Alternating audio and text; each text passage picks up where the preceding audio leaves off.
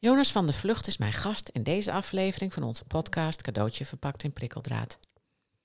Door moeilijke omstandigheden in zijn gezin van herkomst moest Jonas al vroeg op eigen benen staan. Als klein jongetje ging hij bijvoorbeeld al alleen met de bus naar school. Hij leerde daardoor ook al vroeg voor zichzelf te zorgen en maakte daar zijn kracht van. Autonomie. Na een carrière als DJ is hij nu presentatietrainer en coach. In zijn vak heeft hij ervaren dat als iemand authentiek wil presenteren, dat diegene dan vaak zijn of haar verleden tegenkomt. Het podium is als het ware een vergrootglas voor oude pijn.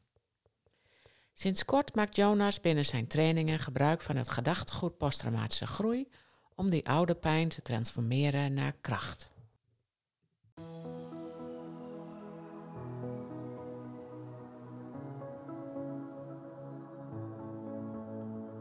Dit is de podcast Cadeautje verpakt in prikkeldraad met Greet Vonk. Moeilijke tijden zijn ook cadeautjes, hoe lastig ze ook zijn. Helaas zitten ze wel verpakt in prikkeldraad. In deze podcast willen we je inspireren en kennis aanreiken, waardoor je een andere kijk krijgt op de ellende van jezelf of van iemand anders. Met als uiteindelijk doel om een completere versie van jouzelf te worden en of om dat proces bij de ander te ondersteunen.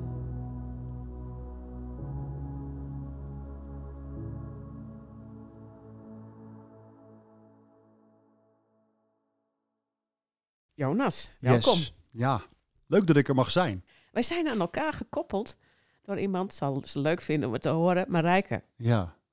Fuck it, Marijke.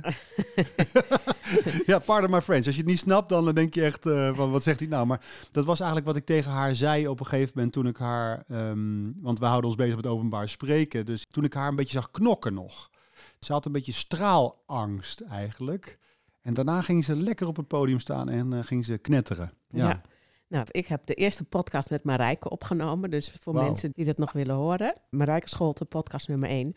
Gaat over burn-out. En ze heeft inderdaad bij jou een uh, training gedaan op het gebied van spreken. Hè? Ja. Dat is ook jouw vak nu. En uh, je hebt er ook samen met een collega Gijs Nillissen een uh, boek over geschreven. Zelfverzekerd spreken. In vier stappen naar de perfecte presentatie. Ja, ja. en wat ik wel heel leuk vond, toen ik het boek las, dacht ik, goh, daar zit eigenlijk heel veel in van wat je in je verleden aan emoties hebt laten liggen eigenlijk, hè, die er nog waren, of die er nog zijn, en die dan op zo'n podium in detail zichtbaar worden. Ja, eigenlijk is het podium een hele magische plek. Het is eigenlijk de ultieme plek voor zelfliefde. Dat je jezelf het podium gunt en dat je daar ook echt bent en lekker staat. Uh, een leiderschapspositie. En vaak zijn mensen geneigd om daar snel van af te willen, uh, toffer te gaan doen dan dat ze zijn, groter te maken. Eigenlijk vechten, vluchten op bevriezen zie je op een podium heel goed. Dus alles wat enigszins nep is, laat ik het helemaal plat, dat zie je op een podium wat groter worden. Dus het is eigenlijk een soort vergrootglas voor coping, voor oplossing, voor pijn eigenlijk.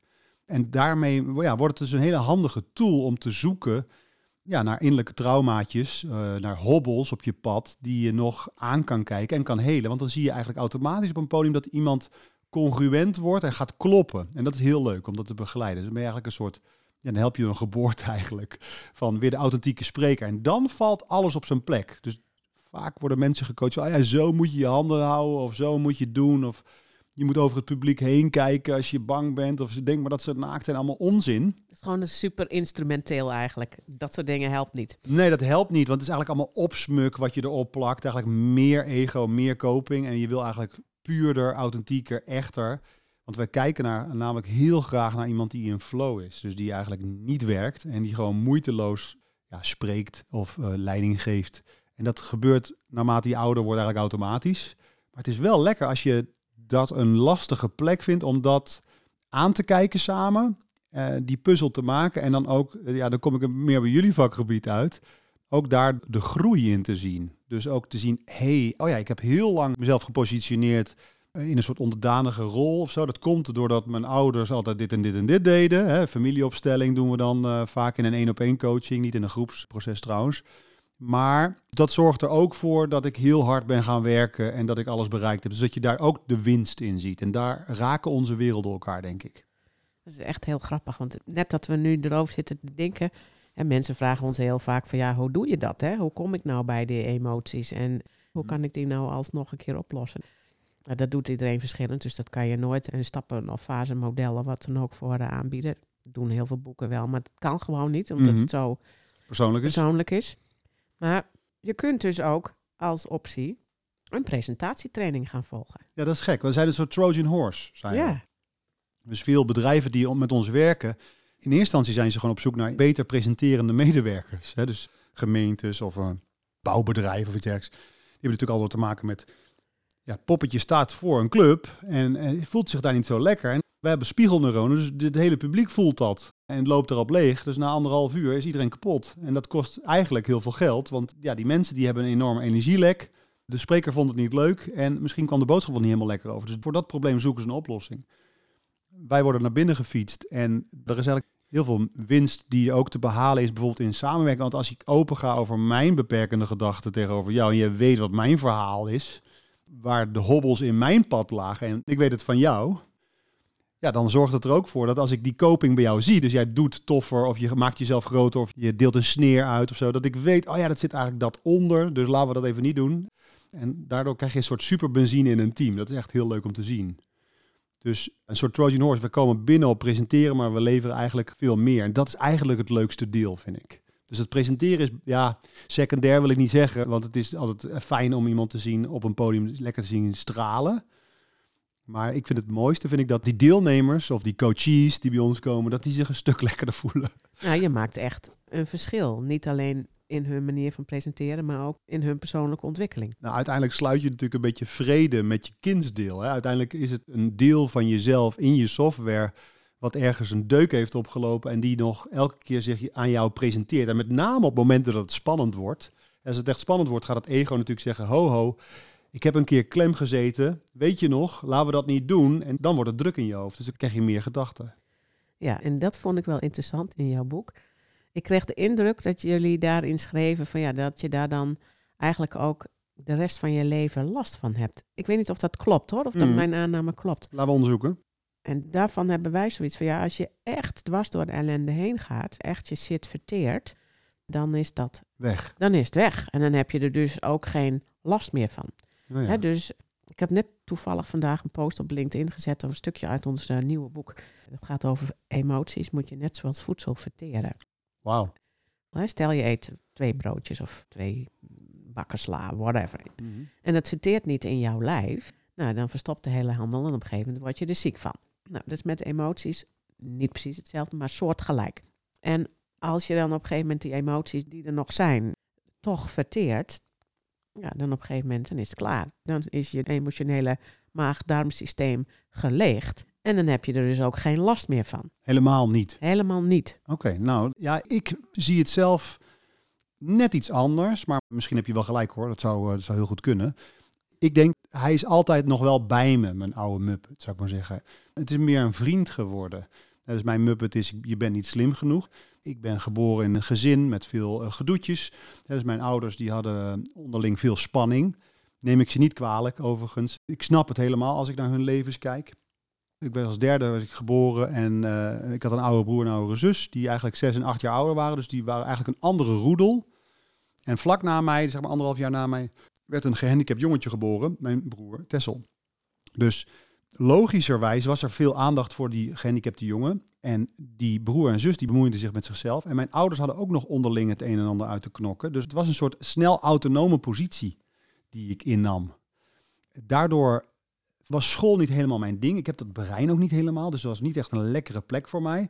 Wel op het schoolplein, daar kon ik prima mijn mannetje staan. Maar in die les, mijn reptiele brein zat een beetje op standje waakzaam, denk ik. Want als het me niet interesseerde, echt interesseerde, dan kon ik het niet makkelijk onthouden. Dus ik heb ook een wat, aan de ene kant een wat fuzzy brein, aan de andere kant ben ik heel snel een snelle denker.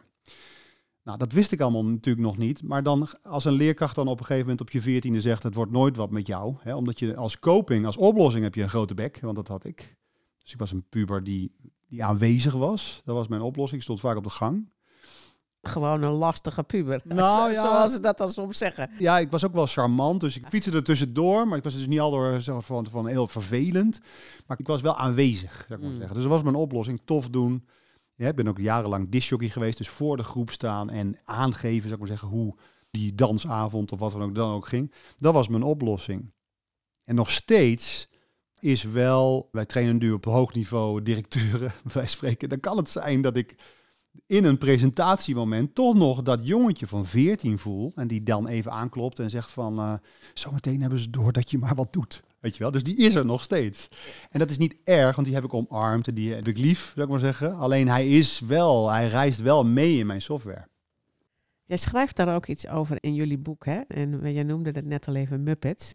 En wat zijn Muppets? Wil je nog even de definitie ja. Eh, geven voordat ik een stukje van jou voorlees? wij hebben het beeld van Paul Smit geleend, uh, vindt hij vast niet erg, zijn goede vriend, die het boekje schreef Verlichting voor luie mensen. Vanuit de non-dualiteit. Dus dat een beeld zeg maar, ook op het brein, maar ook op hoe gedachten werken en hoe dat ego in elkaar steekt. En gedachten kan je heel mooi vangen in het beeld van de Muppets. Dus de oude Muppet Show, we moeten dat steeds vaker heel goed uitleggen, omdat de mensen steeds jonger worden natuurlijk. Maar voor de mensen die uh, back in the 80s dat keken, die weten nog, de Muppet Show, daar speelde zich van alles in af. Dus de Muppets op het podium, Kermit de Kikker, Miss Piggy, die speelden allemaal hun rol. En op het balkonnetje in de Koninklijke Loge zaten die twee oude mannetjes, Waldorf en Stedtler, en ze hadden commentaar op datgene wat er gebeurde op het podium. Dus ze zeiden, it was wonderful. En ze lulden dat langzaam helemaal naar de kloten. Dus en later was het, boe, it was awful. En dat is een beetje hoe het brein ook werkt, hoe het ego werkt als we iets doen, dat noemen ze in de psychologie cognitieve dissonantie, dus het gelul achteraf eigenlijk. Hè? Dus als jij iets doet en het is goed, het wordt als goed ontvangen, dan zeg jij, ja, dat was ik hè, dat ben ik, ik ben een ondernemer. Kijk, ik heb een boek geschreven, niet helemaal alleen, want met een team van mensen, maar mijn naam staat erop, vindt mijn ego natuurlijk heerlijk. Maar als het zometeen als je hier wegloopt en je zegt, nou, deze podcast was uh, van een uh, dermate abominabel niveau, dit gaan we niet uitzenden, dan maak ik mezelf kapot. Zo werkt het ego nou eenmaal. Dus dat vinden we heel mooi om te, te vangen, zeg maar, in die Muppet-metafoor. Dus die Waldorf en Stedtler, ze doen eigenlijk niet mee. Dus je bent niet je gedachten, je bent niet je emoties, maar je hebt ze. En ze waarnemen is natuurlijk handig. Want dan hoef je natuurlijk niet al door meer te luisteren naar die losgeslagen kindsdelen, die ook gewoon geraakt zijn ergens. En een keer een deuk hebben opgelopen en daardoor ook bang zijn of boos af en toe. Dus als je dat weet, hoe dat softwarepakket in je hoofd werkt, is het lekker om daar ook van los te komen en niet al door maar weer achter al die gedachten aan te rennen. Ja. Ik ga het stukje voorlezen ja, wat jij zelf in je boek schreef. Ik weet niet wat je gaat voorlezen. Wat jouw ben, Muppet is. ben benieuwd. Ik ben niet slim genoeg. Dat is de Muppet die altijd weer over mijn schouder moppert. Ik kom uit een gezin waar veel gedoe was. Dus in mijn fundament zat al onveiligheid. Toen ging ik ook nog naar een school waar een leraar dezelfde boosheid liet zien die ik van thuis kende. Het resultaat? Een onveilig gevoel voor mijn reptiele brein, waardoor ik lastig kon leren en presteren in het schoolsysteem. Een opmerking van een docent op mijn veertiende dat het nooit wat met mij zou worden, kwam op een extra kwetsbaar moment en sindsdien neem ik deze beperkende gedachte mijn leven lang mee. Ook ik moet na jaren professioneel op het podium staan, nog elke keer deze Muppet omarmen en hem met liefde tot kalmte manen tot de show over is. Nou ja, letterlijk. Ik had met Paul Smit, de schrijver van dat boekje, dus en eigenlijk de vader van de Muppets, had ik een show die heette De Mindfuckman. En wat ik dan deed is, vlak voordat we op moesten, keek ik in de spiegel in de kleedkamer en dan zei ik, ik hou van je en als je het helemaal verkloot, hou ik nog steeds van je. En dan ging ik op. Want dan haalde ik eigenlijk de angel uit het probleem. En dan kon ik in flow op dat podium gewoon mijn ding doen en spelen. Want we maken het natuurlijk heel serieus, hè, dat leven allemaal. Die verkramping komt omdat we dat gedachtegoed helemaal geloven. En als je dat niet meer doet, dus als je gewoon denkt, ja, nou ja, om weer bij mijn rijken te komen, eh, fuck it, zou ik maar zeggen, ga gewoon lekker, ga lekker jongen, ga lekker spelen. Als je dat als mindset hebt, dan zal je zien dat dat diepere brein gewoon voor je zorgt en dat die muppets helemaal niet aan het stuur zitten. Er wordt gewoon voor je gezorgd. Het ijs is dik genoeg. Je intuïtie en zeg maar de archiefkast van al je expertise zorgt ervoor dat je het juiste op het juiste moment zegt. Als ik nu over elke zin ga nadenken die ik tegen jou zeg, dan wordt het een heel verkrampt gesprek. Dan wordt het heel ingewikkeld. Ja. ja dus ik ben ook nu lekker aan het spelen. Ik ben nu ook in flow met jou. Ja. Nou, wat ik wel mooi vond, ook in je voorstukje, zei van, uh, je kunt eigenlijk de brokstukken in je leven gebruiken, hè? Dat is eigenlijk wat jij nu ook zegt, wat je ook doet. Kun jij iets vertellen over, we hadden in het vorige gesprek ook over, ik ben eigenlijk door die nou, toestand thuis, zeg maar, eigenlijk heel autonoom geworden. Ja, snel autonoom. Dus ik was uh, 14, toen liep ik op houseparties rond in mijn eentje. Of uh, ging ik uit, weet je wel. En ik was vijf of zes, ging ik met de bus van school naar huis. Zo joh. Ja, en ik was ook snel aan het werk. Dus ik heb vanaf mijn veertiende mijn eigen geld verdiend. Ik heb nooit zakgeld gehad. En dat klinkt allemaal... als vader heb ik wel... Ik, heb natuurlijk behoorlijk met strontemmer lopen rammelen bij mijn ouders. Van, wat hebben jullie nou gedaan? Dus ik heb daar veel gesprekken over gevoerd, omdat ik nu ook een ouder ben en ik doe dat anders, zou ik maar zeggen. Maar er zit ook heel veel power in. Snap je? Dus het was ook een andere tijd. Hè? De 80s en de 90s was ook een andere tijd om in op te groeien. En er was nog geen mobiele telefoon. Ik ging nog gewoon vissen en dan was ik de hele dag weg. Ja, dat was zo. Ja, dat boeide niet. Hij is ergens. Het komt wel weer goed. We zaten zonder gordel achter in de auto, weet je wel. Dus dat was allemaal uh, meer ontspannen. Maar er zit dus ook heel veel ondernemerskracht in. Want ik was ook de jongen die uh, langs de kant van de weg uh, limonade verkocht. En ik zocht zelf een plan uit. Weet je, ik deed het zelf gewoon. Dus aan de ene kant is het prettig om dat jammerende deel van jezelf even aandacht te geven, over zijn bolletje te aaien en te zien. Maar ook te erkennen dat in die prut zit heel veel power. Natuurlijk, ik kantel die muppet op een gegeven moment en parkeer hem ook. En in mijn optiek blijft hij altijd wel een beetje zeuren. Maar het is lekker om daar ook de kracht in te zien. Nou, dat heb jij dus gedaan. Want nadat je die autonomiteit, hè, heeft je gezorgd dat je nou ondernemer werd. Maar je hebt ook een periode dat je nog wel heel erg op zoek was naar erkenning, herkenning. 100 procent, ja. Waardoor je bijvoorbeeld ook uh, DJ werd. Ja, ik stond echt op een podium uh, met 15.000 man op een gegeven moment. Uh, een soort van, mam, pap, zien jullie me nu? Ja, dat klinkt zieliger dan dat het is hoor, want ik had het ook heel erg naar mijn zin. Maar het is eigenlijk niet wie ik ben, gek genoeg. Dus het was een route naar wie ik nu ben is namelijk, ik werk het liefst één op één met iemand. Dus die zaal of die boerenfeesttent waar ik dan stond. Ik bedoel, met Q-Music stond ik dan in het land of met 538 uiteindelijk. Dat was een beetje mijn toptijd. Ik zeggen, ik was een subtopper, dus ik ging altijd mee met een ster. Dus dan had je de jongen van de radio en ik. Dat was top natuurlijk, dus daar heb ik heel erg van genoten. Maar uiteindelijk is het niet wie ik ben. Ik ben toch een beetje dat jongetje wat alleen speelt. En wat dus nu één op één graag ook eh, alleen op kantoor is hier om zijn dingetjes te doen, om zijn, uh, ja, om zijn bedrijfje te bouwen als het ware, hè, zijn bedrijf te bouwen. Samen met zijn compagnon dan wel. Maar mijn compagnon is bijvoorbeeld ook niet zo heel vaak op kantoor. Dus dat is een beetje mijn plek. Dus ik word naarmate ik zeg maar halverwege mijn leven ben ook steeds meer weer dat jongetje van acht. Hoe heb jij dat gedaan? Want dit klinkt natuurlijk prachtig, hè? Van nou, eigenlijk had je, om het maar even plat te zeggen, een shitjeugd eh, voor een deel. Niet alleen, maar voor... Het was ook heel gezellig. Ja, niet alleen, maar er was ook een stuk shit, zullen we maar zeggen. En dat heeft jou heel veel autonomiteit gebracht. En nou, dat heeft ook pijn gedaan, eh, zeg maar, dat stukje shit. Dat heb je tot uiteindelijk een heel mooi verhaal uh, is het geworden. Maar daartussen, wat gebeurde daartussen? Ja, allerlei proces natuurlijk. Dat is vallen en opstaan. Dus ik kan me herinneren dat op een gegeven moment iemand, uh, toen had ik een radioprogramma. Toen was er iemand die had gezegd, je bent gewoon een narcist. Weet je, want je had ook heel veel ego nodig om een radioprogramma te presenteren. Dus dat is ook een positie, zeg maar, je gaat nooit op een podium staan of een programma presenteren als je niet ook veel ego hebt. Dus ook veel hebt te compenseren, als het ware. Dus als je niks uh, hebt te compenseren, dan ben je gewoon lekker rustig en dan zit je ergens je, je ding te doen. Weet je, dan ben je gewoon uh, helemaal tevreden. Dus daar zitten allerlei momenten in waarin ik ook over mijn vingers getikt ben arrogant genoemd en teruggefloten. En relaties zijn natuurlijk ook, dus liefdesrelaties, ben ik ook met vallen en opstaan wijzer geworden. En uh, die houden natuurlijk spiegels voor, die partners. En kinderen krijgen. En ja, dus aldoor is een soort van, word je als een soort tube uitgeknepen en opnieuw moet je dan in een level weer kijken naar je demonen en die onder ogen komen en ontdekken wie je nou eigenlijk echt bent. Weer terug naar de bron. Kun jij nog een moment of een situatie of een periode herinneren waarvan je denkt van ja, dit is heel erg transformerend voor mij geweest?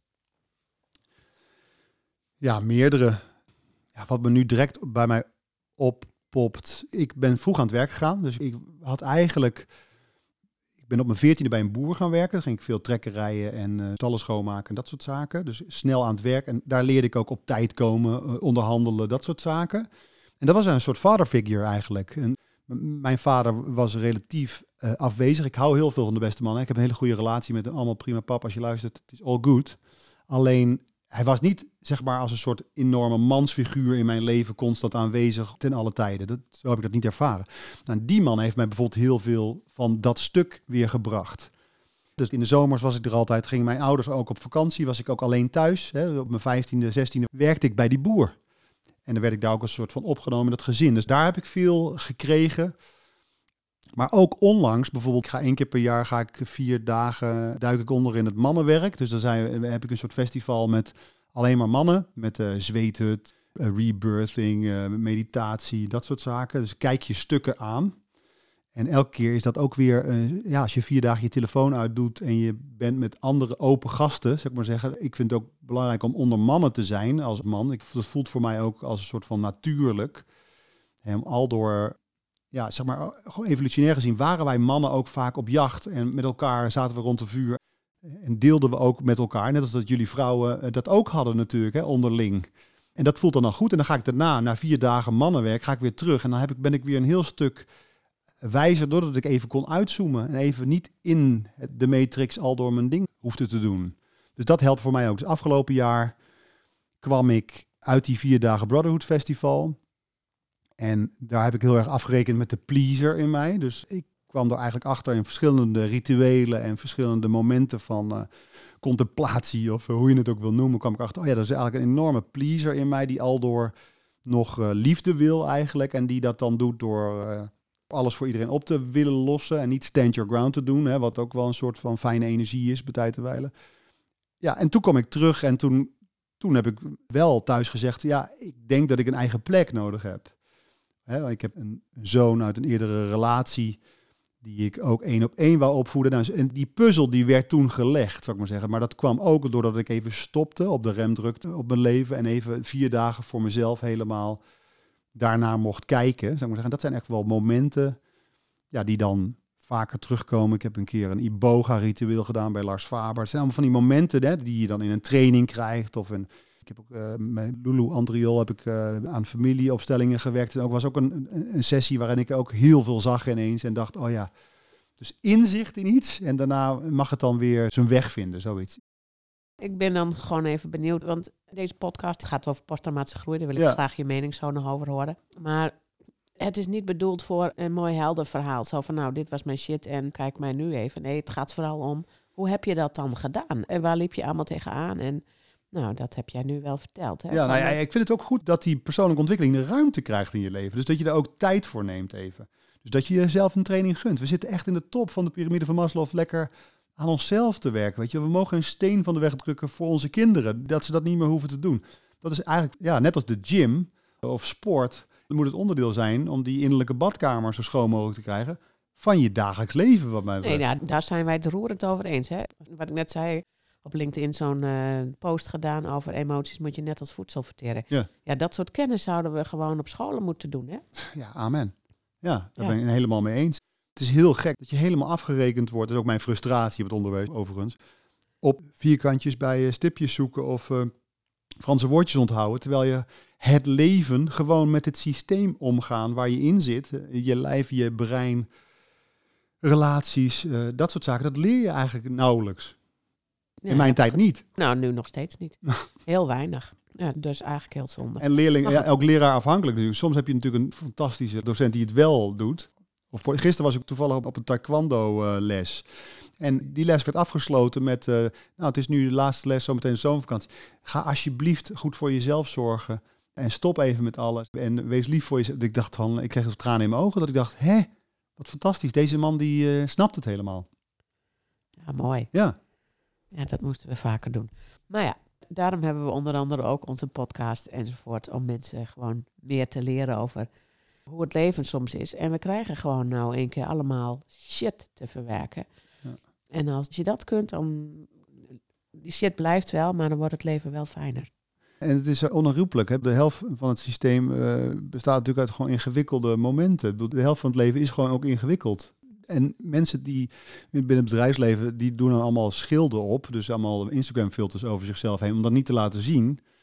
Maar je bent natuurlijk wel dezelfde persoon thuis eigenlijk die op je werk ook bent. Het is niet zo dat je een soort van superheldenpak aantrekt en dat helemaal niet meer hebt. En als je dat erkent, dat is natuurlijk een enorme opluchting, ook voor je team. Want het is eh, voor iedereen prettiger als je gewoon open bent eigenlijk. Dat is fijn.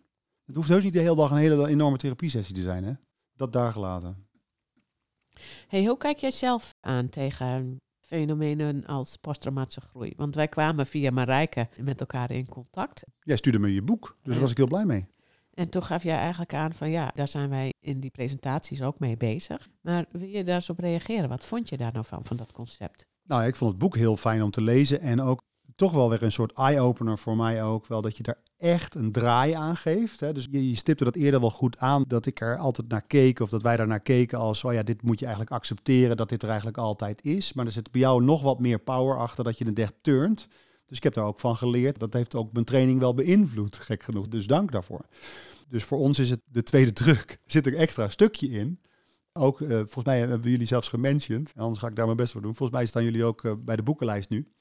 In je tweede Ja, ja, ja, in de zelf... tweede druk. Ja. Nou, dat is toch wel heel leuk. Ja, toch?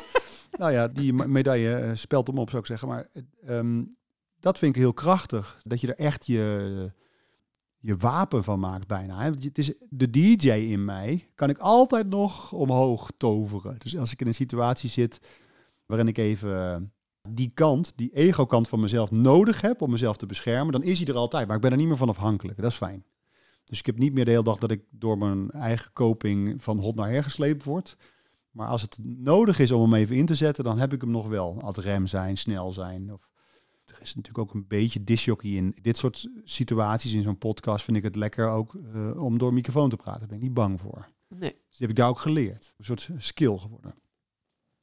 En hoe verder heeft dat jullie training, die wetenschap over posttraumatische groei, nou veranderd? Nou, dat wij daadwerkelijk nog wat meer kijken. Dus normaal gesproken was de situatie zo in een groepstraining. Dan hebben we op een gegeven moment de Muppets die we onder ogen komen.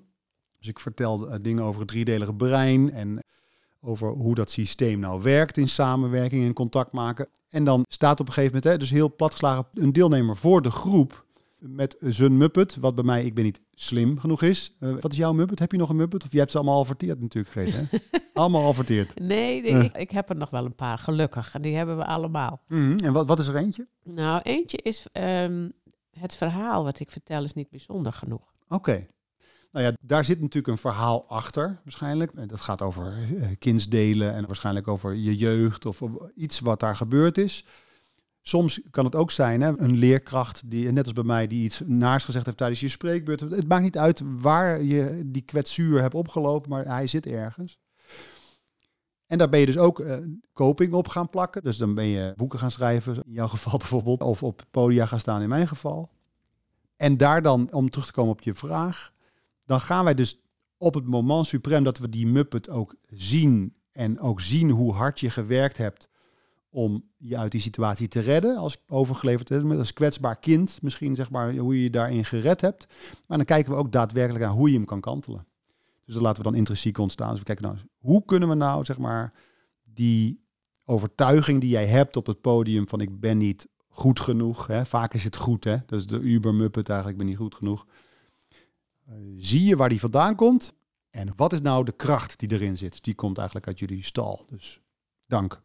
Ja, Mooi. Vraag aan je. Ja. Voor mij is het leven zoals ik leef gewoon vanuit de principes van posttraumatische groei. Dat is zo logisch voor mij dat ik dan soms dus niet meer kan bedenken dat het verhaal bijzonder is. Snap je wat ik bedoel? Oh ja, je hebt het ook vaak gehoord, het verhaal. Nou ja, ik vertel het verhaal heel vaak zelf. Ja. Dat ik denk, ja, waarom snap je dit nou niet? Ja, ja, precies. Ja, dat is ook een beetje gewoon uh, beroepsdeformatie natuurlijk. Dus dat, dat, is, je, dat is beroepsdeformatie. Maar dat is wel iets wat dan wel een rol speelt.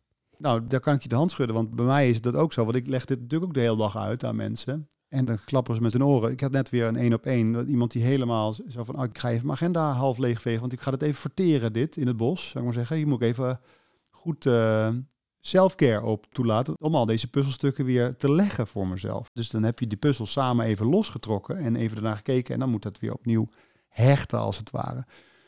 En ik snap niks van, uh, weet ik veel, agrarische economie of wat dan ook. Ja, daar heb ik geen kaas van gegeten. Dus we hebben natuurlijk allemaal, we zijn een soort klok En we hebben allemaal ons radartje. En jij weet van die posttraumatische groei heel veel. En ik misschien van openbaar spreken. En dat doe je de hele dag. Dus dan wordt het ook heel simpel. In mijn ogen is dit heel makkelijk waar we het over hebben. Is dat dan een muppet of is dat beroepsdeformatie? Of is dat allebei? Nou ja, we zouden samen natuurlijk kunnen kijken naar waar dat van. Weet je dat waar dat vandaan komt? Als je bijvoorbeeld gewoon puur naar je ouderlijk gezin kijkt, op, opgroeien, van wat de positie was waar je in opgegroeid bent. Zit dat van mijn verhaal is eigenlijk niet belangrijk genoeg of niet? Uh, zit dat erin? Nee, dat herken ik niet. Nee. Nee, ik ben godzijdank in een heel liefdevol gezin opgevoed. Ja, waar we allemaal aandacht kregen. Dus je weet niet waar die vandaan komt precies? Je hebt geen idee van... Oh ja, nou ja, waar, ik, die... Daarom vraag ik me af of dit dus een Muppet is of iets anders. Uh, dat het gewoon inderdaad beroepsdeformatie is. Maar het is wel iets wat wel een punt is. Hè? En dat vond ik dan wel ook heel leuk aan het lezen van jouw boek. Ik dacht, oh ja, dit soort dingen moet ik wel even wat meer aandacht. Het, het, van, nou, dat, dat heeft mij dus ook echt geholpen. Zo leuk. van, uh, dat er gewoon even wat puntjes op de i, zal ik maar zeggen. Hè? Dat je denkt, van, oh ja, wacht even. Oh ja, wacht even. Want dit is eigenlijk maar één ding, hè? Dus dit, hoofdstuk 1 van ons boek over die authenticiteit vind ik het heerlijkste wat er is. Want die puzzel samenleggen is gewoon heel mooi. Maar dit is maar één kant. Want dit is natuurlijk eigenlijk de binnenkant. En de buitenkant is het gewoon heel fijn om een heel geslepen punt te hebben. Dus dat je precies weet wat je wel en wat je niet gaat vertellen. Dus uh, dat je je kernboodschap heel helder hebt. En dat je precies weet, oh ja, dat is de winst van het publiek. Dat zijn allemaal tools die je kan gebruiken. En wat is nou eigenlijk mijn call to action? Wat wil ik dat ze gaan doen? Als ik dat allemaal heel helder in mijn hoofd heb en goed heb voorbereid, levert het ook meer rust op natuurlijk automatisch. Dus wordt mijn muppet minder uh, druk in mijn hoofd, wordt mijn reptiele brein rustiger, minder adrenaline, meer, weet je, gewoon meer focus. En als ik dan ook nog eens een keer storytelling ga toepassen, dus ik kan een goed verhaal vertellen met de juiste technieken, dan heb ik ze helemaal uh, in mijn, als een soort rasterrostellie, heb ik ze gehypnotiseerd. Want in flow luisteren we naar een verhaal natuurlijk. Als ik een goed verhaal vertel, dus ik zeg, ik weet nog goed, vanochtend eh, liep ik over de grote markt in Groningen. en De groentemarkt werd opgebouwd. En ik rook vers fruit en de vis. En op een gegeven moment komt er een man naar me toe met een lange jas. En die, die tikt mij op mijn schouders en zijn heldere blauwe ogen keken mij aan. En ik schrok. Dan ben jij met me mee. Daar kan je niks aan doen. Hè? Dan zit ik in jouw hoofd. Daar kan je niks aan doen. Dus dat zijn technieken die een Obama, die in de politiek veel gebruikt worden, die in reclame, die in marketing gebruikt worden. Dat is klip en klaar techniek. Dus als je dat kan toepassen op een rustige geest. En je hebt ook nog eens een keer de strategie. Het sterke punt van mijn uh, compagnon en uh, goede vriend uh, Gijs Nillissen. Dus je weet hoe je om moet gaan met lastige vragen.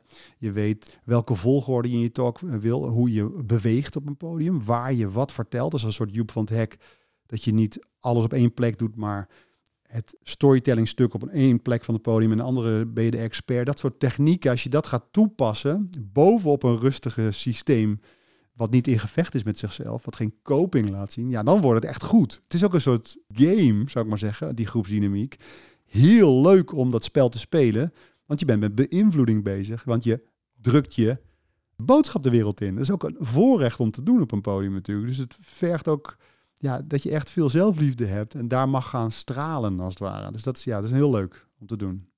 Nou, een heilige plek, vind ik het. Ja. Nee, daar kan ik me alles bij voorstellen. Ja, ik vond het in ieder geval heel leuk om jouw boek te lezen. Ja, daar heb ik echt iets aan. Dus Dankjewel. dat vind ik heel leuk. Vice versa. Ja, nou, zo hebben we elkaar geholpen. ja, zo is het. En wat ik ook na van deze podcast wel weer heel leuk vind, is dat omdat mensen ook nog weer een tip te kunnen geven van hoe kun je nou leren met je emoties omgaan. Hè? Volg een presentatietraining. Had ik nooit bedacht. Dus dat is echt heel leuk.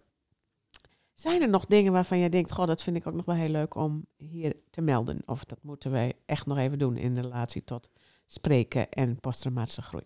Nou ja, zelfontwikkeling, ja, dat moet denk ik een belangrijke plek hebben in je leven. Ik denk dat dat fijn is. En dat hoeft, mensen denken allemaal van, oh, dat is allemaal therapie en allemaal uh, hard werken. Maar goed, kijk, net als dat je aan het bankdrukken bent of aan het hardlopen, dan heb je altijd een punt waarop het even pittig is. Maar daar zit zoveel winst. Zeg maar. Het is zo, zo lekker als je op een gegeven moment ja, het in je kop wat rustiger hebt. En als je niet, als er stress ontstaat, direct in een soort oude oplossing van boosheid of uh, paniek schiet, maar dat je je kop erbij kan houden, dat er minder opgeslagen wordt. Dat je emoties hè, willen alleen maar gevoeld worden natuurlijk over dat verteren. Dan moet ik aan het verteren beeld van jou ook denken.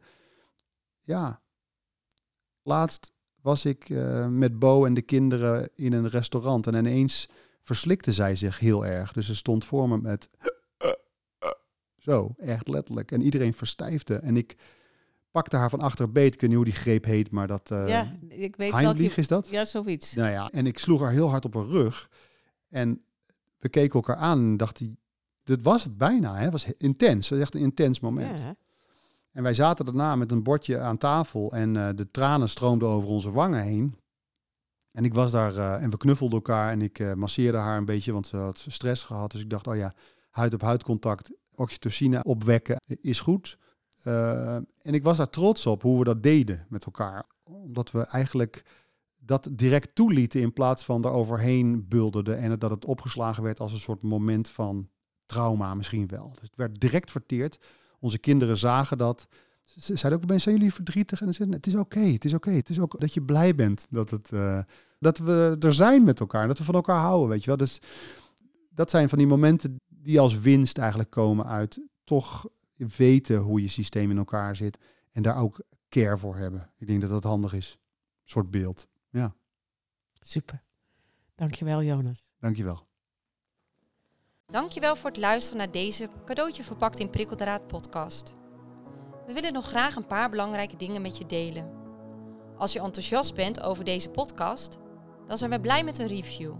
Daarmee help je ons bij onze missie. Je kunt de podcast natuurlijk ook doorsturen aan mensen van wie jij denkt dat ze er ook iets aan hebben. Wil jij voortaan alle nieuwe podcastafleveringen overzichtelijk op een rijtje? Abonneer je dan op deze podcast. Heb je vragen of ideeën voor deze podcast? We horen het graag. Je kunt een mail sturen naar info@sterkerdoorellende.nl of Greet Vonk een bericht sturen op LinkedIn. Zoveel mensen kunnen profiteren van een andere kijk op ellende. Het is daarom onze missie om PTG bekender te laten worden dan PTSS. Wil jij meer weten over PTG of bijdragen aan onze missie? Je kunt op onze website www.sterkerdoorellende.nl onze boeken bekijken en eventueel kopen, de e-learning bekijken, een gratis inspiratiesessie volgen, de PTG-vragenlijst invullen, workshops en opleidingen boeken. We hopen dat deze podcast jou heeft geïnspireerd, zodat je in tijden van ellende in jouw leven of werk kiest voor het positieve en hoopvolle gedachtegoed van PTG. Voor jouzelf, je familielid, je vriend, vriendin, collega, klant, voor wie dan ook. Tot de volgende keer.